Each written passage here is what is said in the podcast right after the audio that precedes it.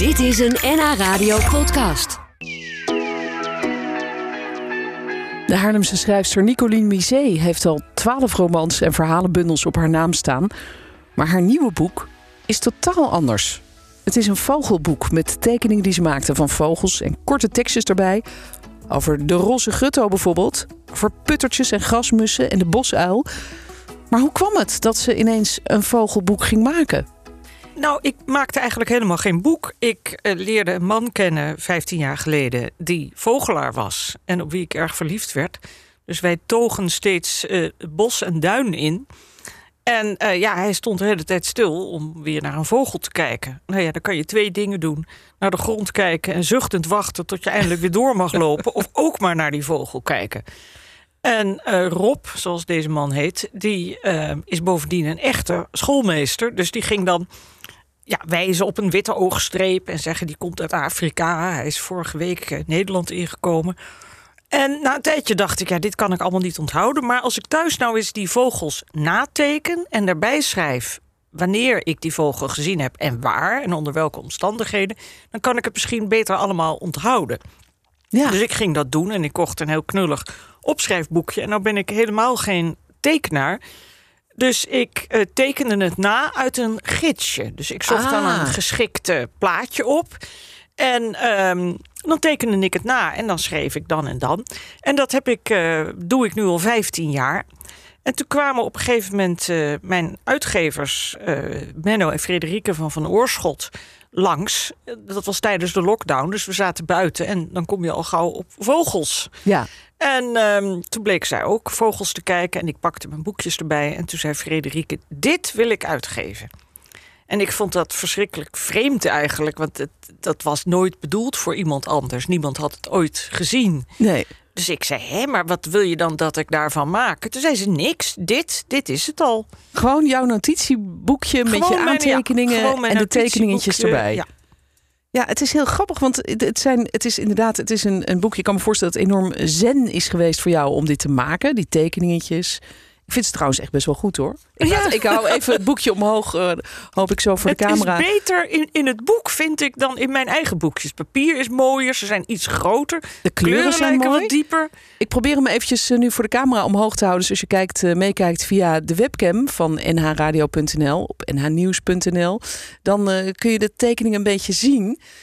En het is dus elke pagina één vogeltje met één tekening. Heel mooi gekleurd. Ja, ik vind ze echt prachtig eigenlijk. Nou, Dus eh, ja, en, en er staan dus kleine stukjes bij. Bijvoorbeeld bij de Rietgors staat alleen maar... in de Hekslootpolder in de vogelhut hoopten wij de blauwborst te zien. Vergeefs, maar we zagen wel een rietgors. ja, Dat is dan het verhaaltje over de dat is rietgors. het verhaaltje over de rietgors. Ja, en die, en die blauwborst, ben je die nog Die tegengekomen ooit? blauwborst, dat heeft wel jaren geduurd. Zo, dat duurde zo lang dat ik er niet meer in geloofde. En eh, ik weet nog wel, er kwamen we mensen tegen. En dan zeiden we, ja, de blauwborst. Want als mensen een kijker om hebben, of een, een, een camera... dan spreek je ze aan en zeg je, nog iets bijzonders gezien. Ja, een groepje blauwborsten. Nou, een groepje blauwborsten. Ik zou met één blauwborst al dolblij zijn. Maar we zagen ze niet. En ik weet ook nog heel goed wanneer ik mijn eerste blauwborst uiteindelijk toch gezien heb. En het gek is, als je er eenmaal één hebt gezien, dan geloof je erin. En dan zie je ze daarna ook vaker. Dus misschien net als met de ijsvogel. Dat is ook zo'n vogeltje wat Ja, je niet snel Daar ziet. geloofde ik ook niet in. Nee. En paar jaar geleden dacht ik, nou ja, ik, we komen om in de ijsvogel. Het was ook een heel goed ijsvogeljaar. Laat ze eens wegwezen, die ijsvogels. ja, iemand zei, het wordt een plaag. nou, dat Maar kan nu bijna heb ik alweer heel lang geen gezien hoor. Nee, nee, dus dat, dat fluctueert misschien dat ook een fluctueert beetje. enorm. Dat Ja. heeft heel erg met de winters te maken. Ja, en, en zijn jullie dan ook zulke vogelaars dat je als je hoort dat er ergens een rode ibis of een kleine alk is gesignaleerd, zoals dat laatst het geval was, dat jullie dan in de auto of op de fiets en in de trein gaan om te kijken of je hem kunt zien?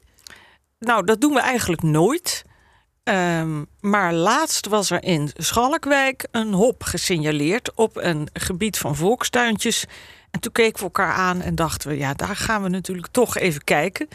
En dat Toen kwam we je op tv. toen- ja, nee, ongelooflijk. Bij ons. kwam er weer een vent met, met een grote, grote eh, camera. Maar eh, ja, iedereen staat daar met camera's. En die, na een tijdje zei hij, ja, ik ben van eh, Radio TV Noord-Holland. En eh, toen heeft hij het later zo bewerkt dat niemand zag dat wij die hop helemaal nooit gezien hadden. Oh. En dus wij waren op de televisie en ik kreeg allemaal eh, appjes van vrienden en vriendinnen. Wat leuk, die hop, gefeliciteerd. En toen keken we zelf ook nog eens goed. En nee, zei ik, hé, hey, hij heeft eruit geknipt dat wij die hop helemaal niet gezien hebben. Oh, hij is niet blij dat je dit nu vertelt, denk ik. maar heb je hem ooit wel eens gezien? Want hij, Nee. staat wel, hij staat ook niet in je boek, geloof ik. Nee, hè? nee, dat heb ik nog nooit gezien. Dus die staat misschien dan heet het nog op je bucketlist. Dat is misschien eentje die je wil zien. Ja, ik heb nog wel heel wat vogels hoor. De, de purperreiger, de koereiger. De koereiger heb ik laatst wel gezien in een volière in Beekse Bergen. Maar dat, dat telt, Telt niet, natuurlijk nee. niet. Nee, wat is hem het echt- verschil tussen een koereiger en een purper of een zilverreiger? Ja, zo'n purperreiger heeft natuurlijk zo'n hele paarsige eh, bovenkant. Ja, die is helemaal heel anders gekleurd. En een koereiger, dat is echt een schattig klein, eh, nou ja, zilverreigertje zal ik maar zeggen. Maar hij is dus wit. En hij zit dus ook eh, op de rug van een, van een koe of van, van vee.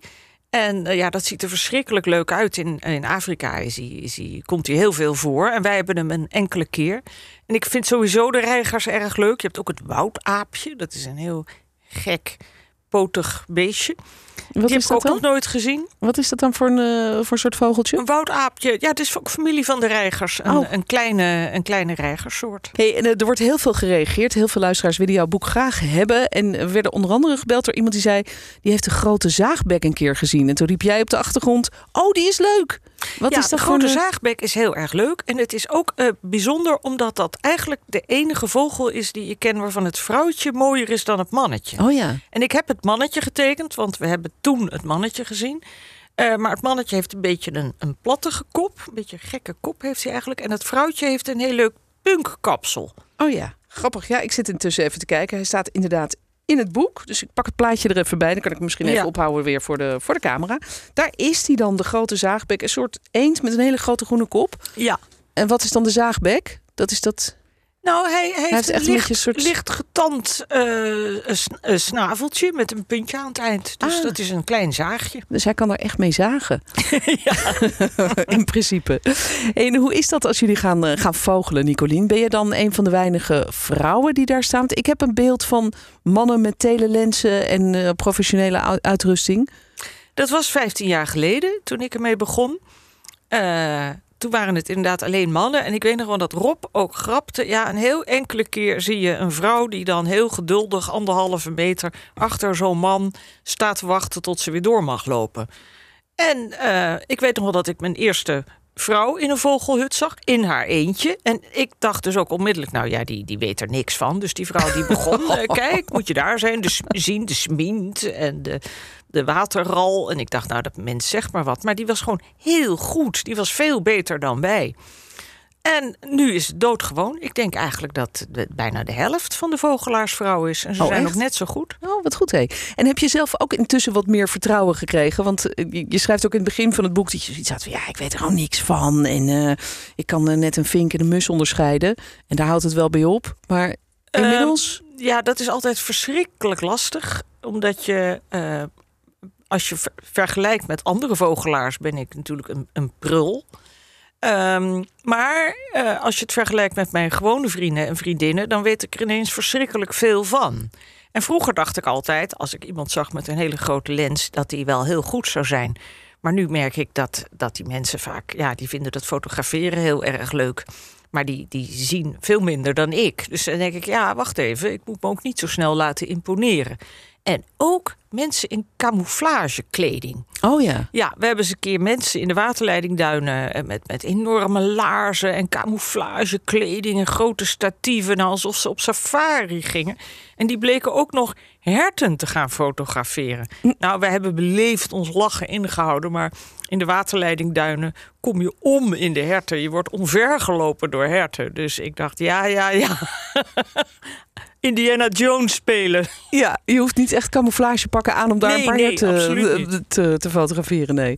nee. En als ik dit eh, geluid laat horen, ik weet niet of je het kan horen.